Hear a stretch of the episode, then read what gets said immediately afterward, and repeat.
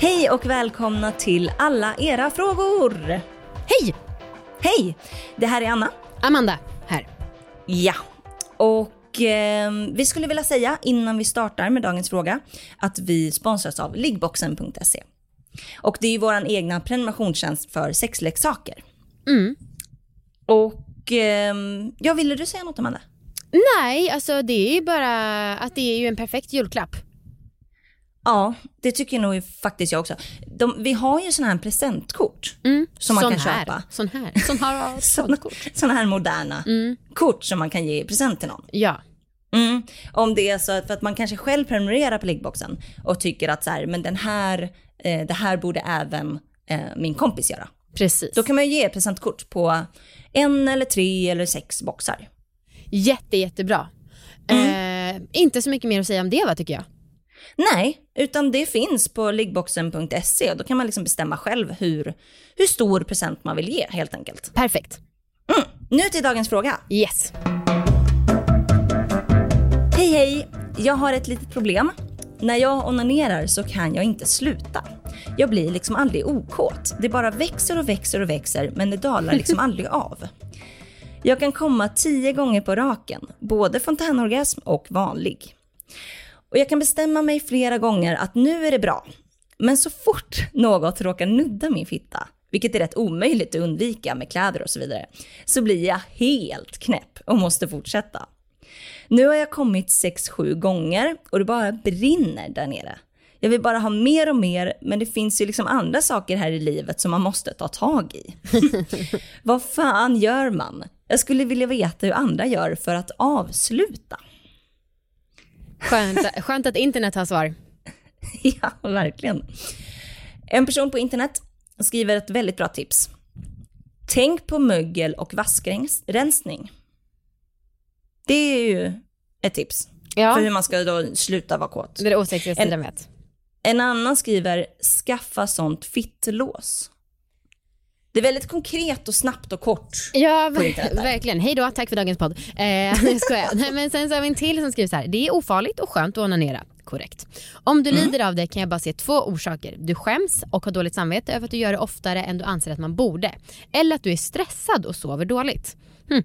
Då är det ju hur som helst orsaken till att du mår dåligt som du borde ta tag i. Antingen arbeta på din självkänsla och lära dig acceptera din sexualitet. Eller försöka minska stressnivån i livet och få tillbaka nattsömnen.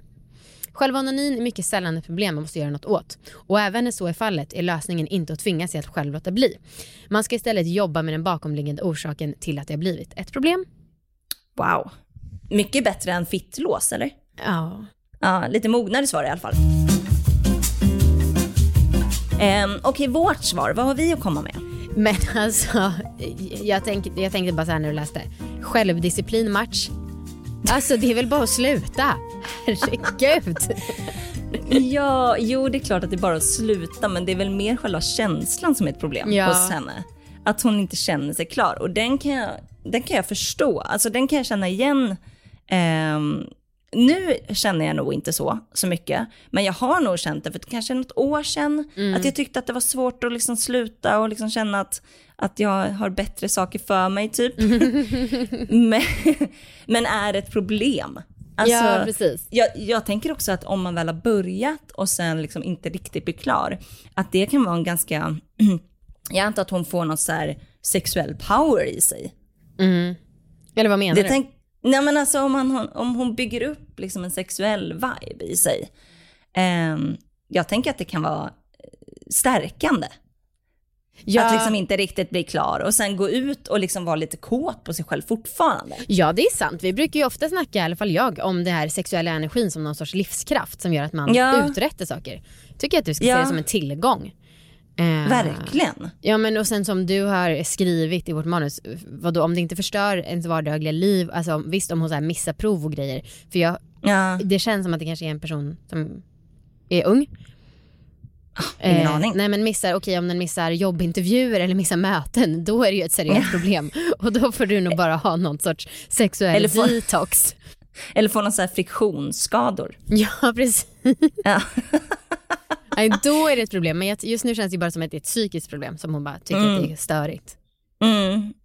Ehm, vi kan väl säga det här med Satisfyer. Ja, För att om hon använder det, det ska man ju inte använda för länge. nej just det.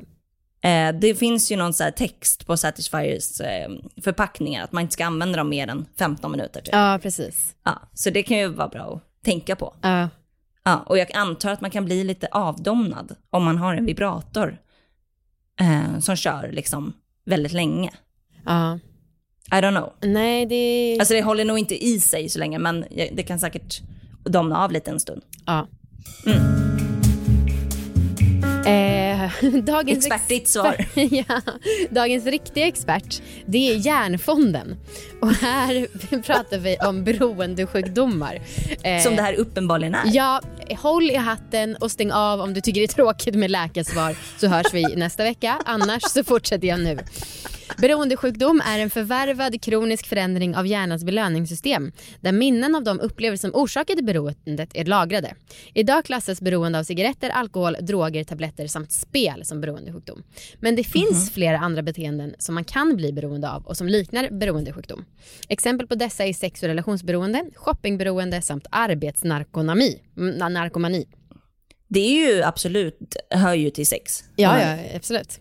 Ja Eh, okej. Det finns idag inga effektiva metoder att backa bandet när ett beroende väl har uppstått. Det är därför man beskriver de som lyckas ta sig ur ett beroende med termer som nykter alkoholist eller spelfri spelare. hjärn- Nykter onanist. Ja. Eller asexuell onanist då. Just Eh, hjärnans belöningssystem är centralt vid beroendeutveckling. Belöningssystemets uppgift är att motivera oss att göra saker som är viktiga för vår överlevnad.